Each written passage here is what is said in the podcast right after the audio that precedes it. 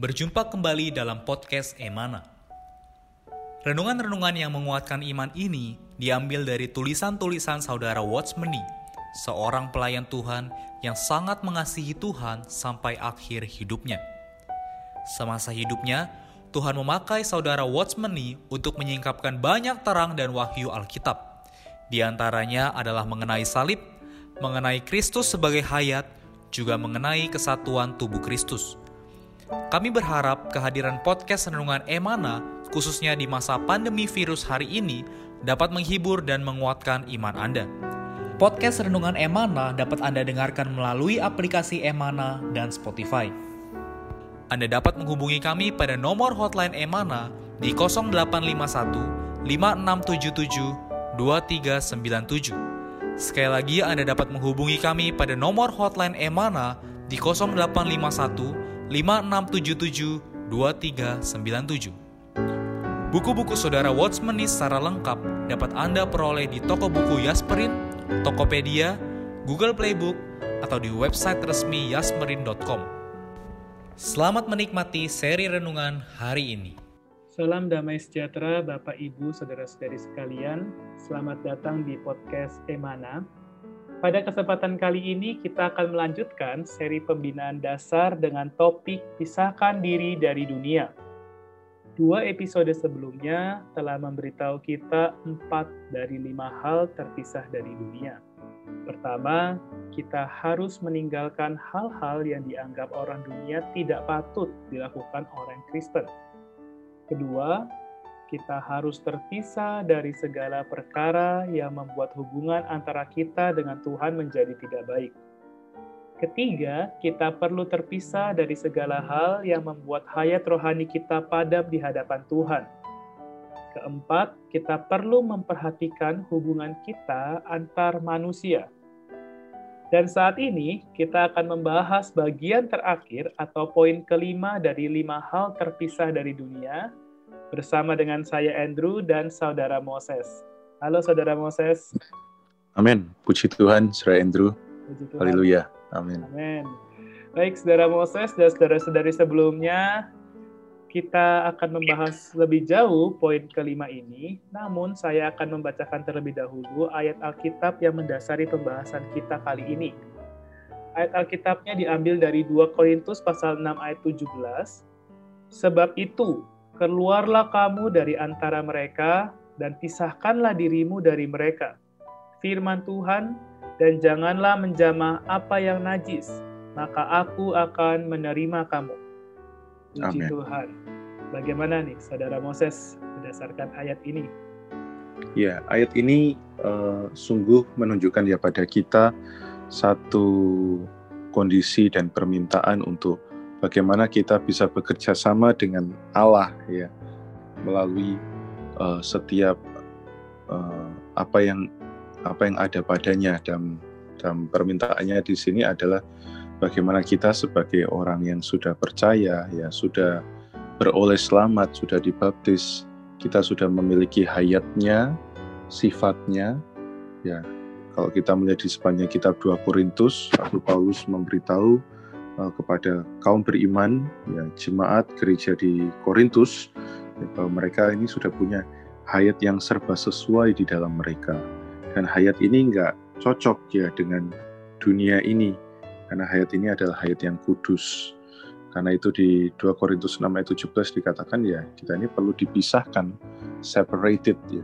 Kita perlu dikuduskan dan jangan menjamah satupun yang najis, yang tidak tahir karena kita adalah kepunyaan Allah yang kudus. Nah, Saudara Andrew, kalau kita lihat di beberapa ayat sebelumnya, ya Tuhan, eh, Rasul Paulus bahkan membandingkan ya persamaan apa yang ada pada kita dan orang yang belum percaya Tuhan.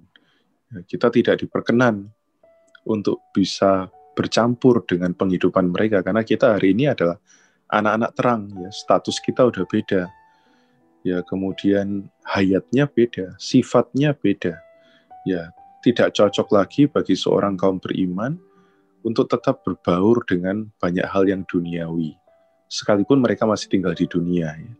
Karena sebenarnya secara kodrat, ya, sifat, ataupun hayat sudah tidak sama tidak bisa bergabung. Ya, nanti mungkin kita akan bahas lebih lanjut, tapi contoh saja, ya, sejak saya beroleh percaya, ya tanda orang Kristen itu tersemat. Saya nggak tahu ya, saudara-saudari, Bapak Ibu sekalian, apakah pernah merasakan itu? Sehingga ketika sejak kita percaya, kita datang ke pergaulan yang buruk dalam tanda kutip, orang di sekitar situ akan melabeli, loh, kamu kan orang Kristen, kok ikut-ikutan? Yeah. itu sudah seperti ini ya, Saudara Andrew ya, apa ter, tertulis di dahi kita ya sejak kita yeah. percaya, sehingga betul, betul. Orang luar pun menyadari bahwa kita ini nggak cocok ya dengan gaya hidup mereka. Cuma ya masalahnya banyak orang Kristen yang justru setelah dikasih kata-kata seperti itu, ah enggak, enggak apa-apa ya. Akhirnya mereka berbaur lagi dengan dia. Tapi ini tadi ya, kegelapan aja menyadari hadirnya terang. Nah, kiranya kita sebagai terang tahu kapan dan di mana ada kegelapan itu. Amin. Wah, baik sekali. Suka perkataan yang terakhir tadi, kegelapan saja Amin. menyadari hadirnya terang. Ya. Baik, Saudara Moses, di sini ada kutipan renungannya. Saya akan bacakan dahulu. Amin. Masih ada satu hal, yaitu apa saja yang Anda lakukan, jika itu menyebabkan jatuhnya orang beriman yang lemah hati nuraninya, itu pun dunia. Inilah hal yang kelima. Belum tentu anggapan mereka terhadap hal yang kita lakukan itu benar, tetapi Betul. karena hati nurani mereka lemah, anda tidak boleh menjadi batu sandungan bagi mereka. Mereka dianggap Anda berada pada jalan yang salah. Mohon maaf, mereka menganggap Anda berada pada jalan yang salah. Kalau Anda tetap melakukannya, Anda akan menjatuhkan mereka.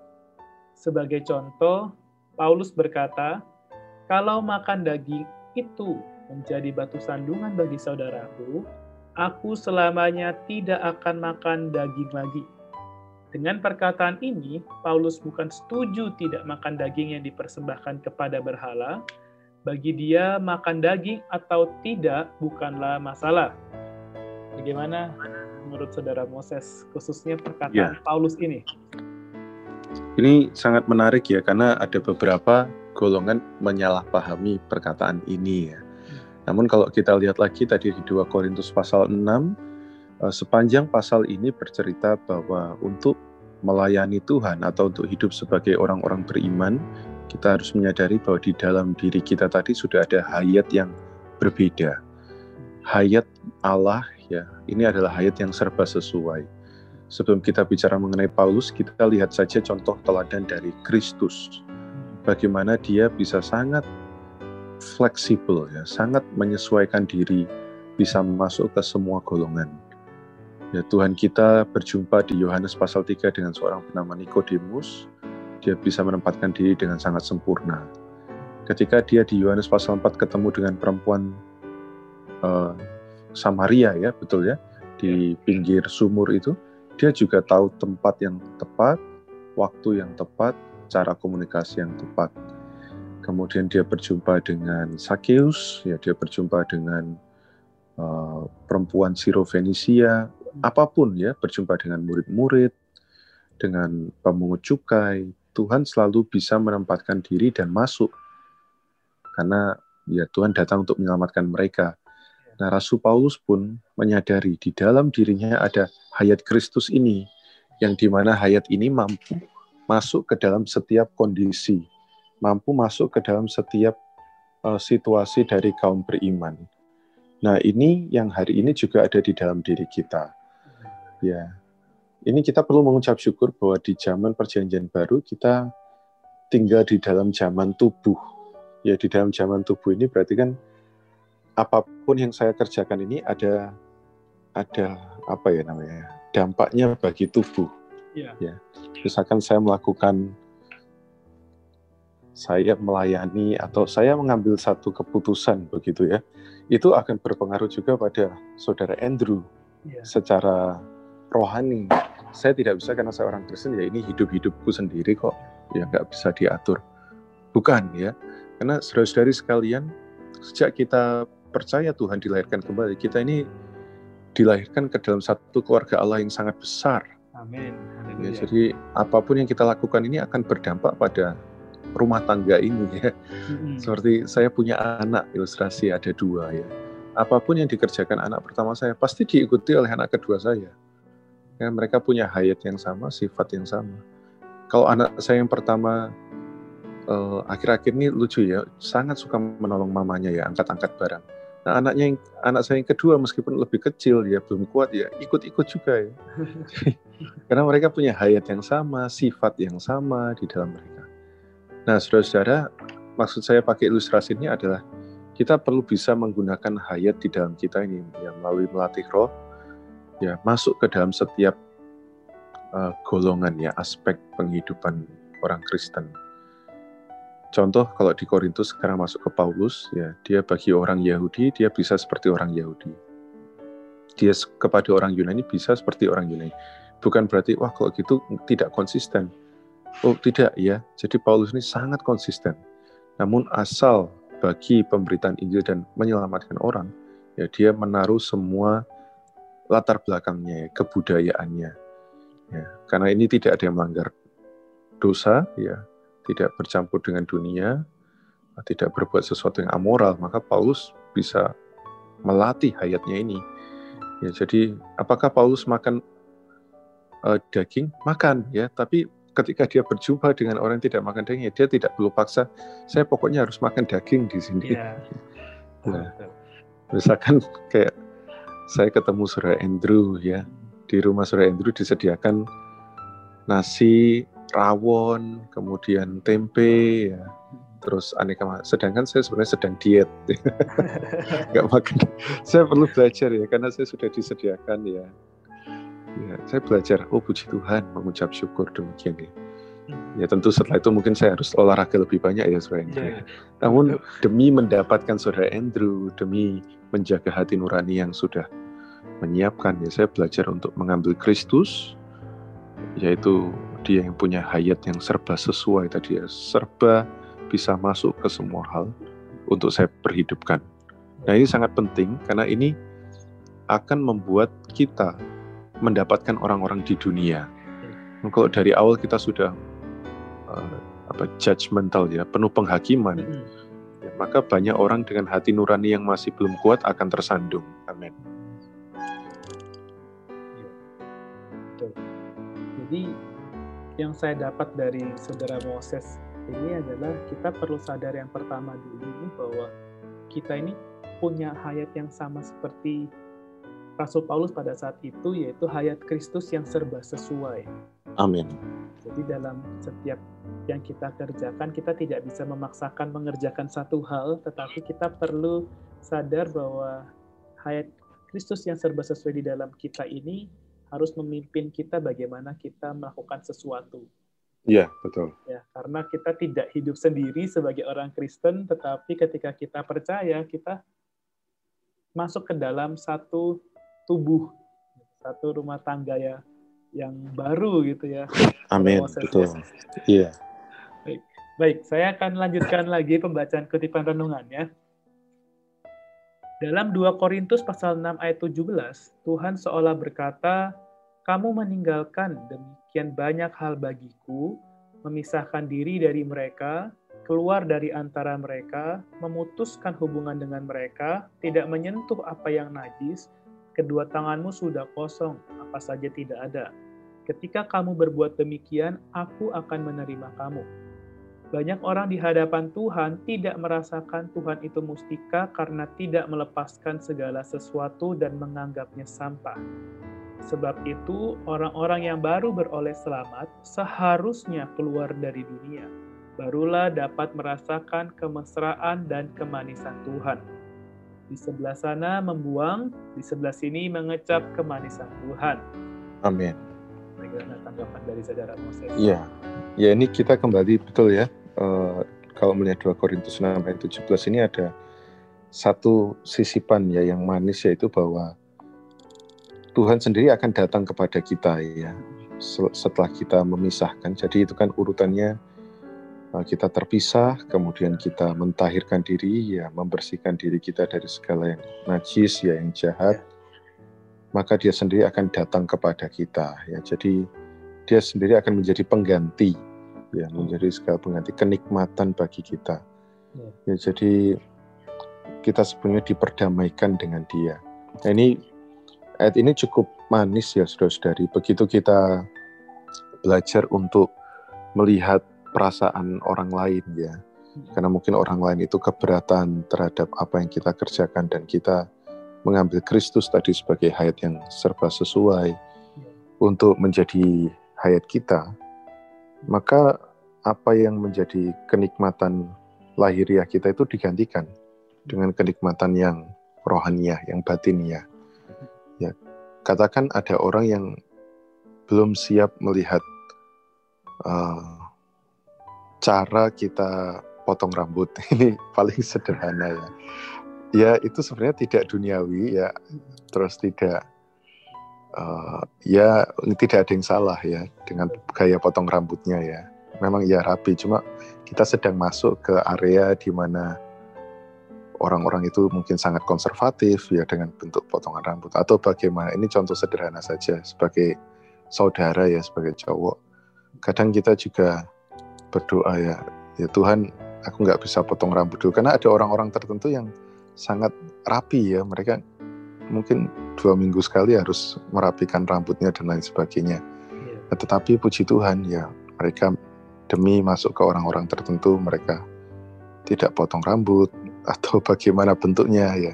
Nah, Tuhan gantikan. Ya Tuhan berikan damai sejahtera. Atau ada juga cara berpakaian. Mungkin ada di tempat tertentu melihat oh ini berpakaian ini uh, pakaiannya orang modern ya. Mereka nggak bisa menerima. Kita uh, mereka melihat bahwa ini ini bukan sesuatu yang yang bisa dipakai di tempat ini ya. Maka kita menyesuaikan pakaiannya dan lain sebagainya tapi bukan berarti oh kalau begitu saya bebas berpakaian saya bebas uh, menata rambut uh, bukan ya maksudnya adalah penghidupan kita ya ini semua juga dikendalikan oleh hubungan kita dengan kaum beriman yang lain atau bahkan orang lain untuk bisa mendapatkan mereka. Saya teringat dengan seorang saudara bernama Hudson Taylor ya. Dia adalah penginjil yang sangat terkenal yang mendapatkan uh, daratan China. Nah, demi mendapatkan orang-orang di sana ya, dia benar-benar mengubah pakaiannya, menjadi mirip seperti orang China. Rambutnya ya, dia semir dari yang pirang menjadi hitam, terus dia panjangin seperti orang China zaman dahulu ya, yeah. yang rambutnya botak di depan, belakangnya diikat ya.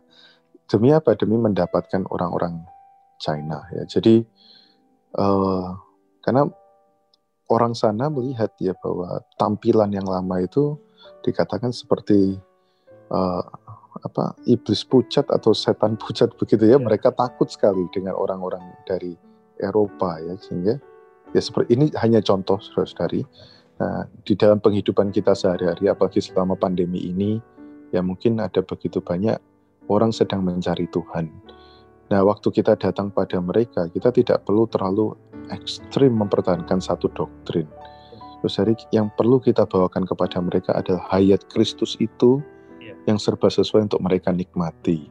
Ya, misalkan mereka belum bisa terlalu mendapatkan firman yang terlalu dalam tinggi, tidak perlu terus dipaksakan, saudara ya. Salurkan saja Kristus. Ya. Uh, bawalah mereka menyeru nama Tuhan, menikmati Tuhan. Apalagi tengah situasi kalut begini, ya saudari mereka mungkin nggak ada pegangan, ya. mereka takut, ajak mereka menyeru nama Tuhan Yesus. Saya rasa dengan demikian, saudari ya, kita bisa dapatkan lebih banyak orang percaya pada Tuhan. Dan ini sendiri membawa kita diperdamaikan dengan Tuhan.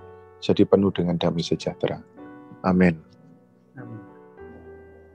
Jadi hayat yang serba sesuai di dalam diri kita ini harus bisa membawa kita mengerti apa yang mungkin apa yang perlu dilakukan dan tetap yeah. terpenting adalah supaya Injil Tuhan ini Injil ini bisa sampai kepada orang lain Amin. Jadi kita jangan sampai karena mungkin idealisme kita, ya mungkin saudara Rongses ya. Iya, betul. betul. Kita jadinya Injil tidak bisa tersampaikan. Baik, puji Tuhan. Dengan demikian kita sudah menyelesaikan lima hal terpisah dari dunia. Jadi Amin. mungkin izinkan saya akan membacakan kembali lima poin ini mulai dari yang Amin. pertama sampai yang kelima. Ya, sudah. Amin. Jadi dari pertama kita harus meninggalkan hal-hal yang dianggap orang dunia tidak patut dilakukan orang Kristen. Lalu yang kedua, kita harus terpisah dari segala perkara yang membuat hubungan antara kita dengan Tuhan tidak baik. Ketiga, kita perlu terpisah dari segala hal yang membuat hayat rohani kita padam di hadapan Tuhan. Keempat, kita perlu memperhatikan hubungan antar manusia. Dan kelima, kita perlu terpisah dari segala sesuatu yang jika kita lakukan akan menyebabkan jatuhnya orang beriman yang lemah hati nuraninya. Semoga kelima hal ini bisa terus kita perhatikan di dalam kehidupan kita sebagai orang Kristen. Amin. Baik, Saudara Moses, sebelum kita mungkin akan menutup pembahasan kita dalam episode kali ini, apakah ada yang ingin ditambahkan oleh Saudara Moses? Amin. Ya, saya terus berharap di tahun yang uh, makin penuh dengan kekhawatiran ya atau perasaan yang gelisah takut mari kita sama-sama terus mencari firman Tuhan karena langit dan bumi boleh berlalu tetapi perkataan Tuhan tidak berlalu saudara ya terus cari ya Sprint menyediakan begitu banyak literatur Ya. ada Bible study ya carilah sebarkanlah bawa bawalah uh, kabar sukacita ini kepada banyak orang-orang Kristen di seluruh Indonesia. Amin. Puji Tuhan ada banyak jalan untuk hari ini kita mendalami firman Tuhan. Baik, uh, mungkin sekalian Saudara Moses boleh menutup kita, uh, pembahasan kita kali ini dengan doa. Ya, baik Saudara Andrew. Mari kita sama-sama berdoa. Terima kasih Tuhan untuk perkara pisahkan diri dari dunia. Kami tahu bahwa kami bukan lagi milik dunia. Bahkan kau berkata bahwa dunia tidak layak bagi kami, karena kami adalah saksi-saksi imanmu di tengah situasi yang penuh kegelapan, ketakutan, kekecewaan, di mana kasih orang makin dingin. Oh Tuhan, kami rindu hayatmu yang begitu limpah dan serba sesuai, boleh kami ekspresikan. Berkati negara kami, berkati bangsa ini, berkati seluruh kaum beriman di setiap pelosok Indonesia, juga bisa menikmati firman-Mu, kebenaran-Mu, sehingga mereka terpisahkan dari segala hal yang negatif, kembali kepada Kristus. Terima kasih Tuhan Yesus, kami cinta padamu. Amin. Terima kasih Saudara Moses. Terima kasih banyak Saudara Andrew, puji Tuhan. Puji Tuhan. Tuhan Yesus menyertai kita semua. Amin. Sekian podcast Renungan Emana hari ini. Kami akan kembali pada seri berikutnya. Anugerah dari Tuhan Yesus Kristus dan kasih Allah dan persekutuan Roh Kudus menyertai kita semua.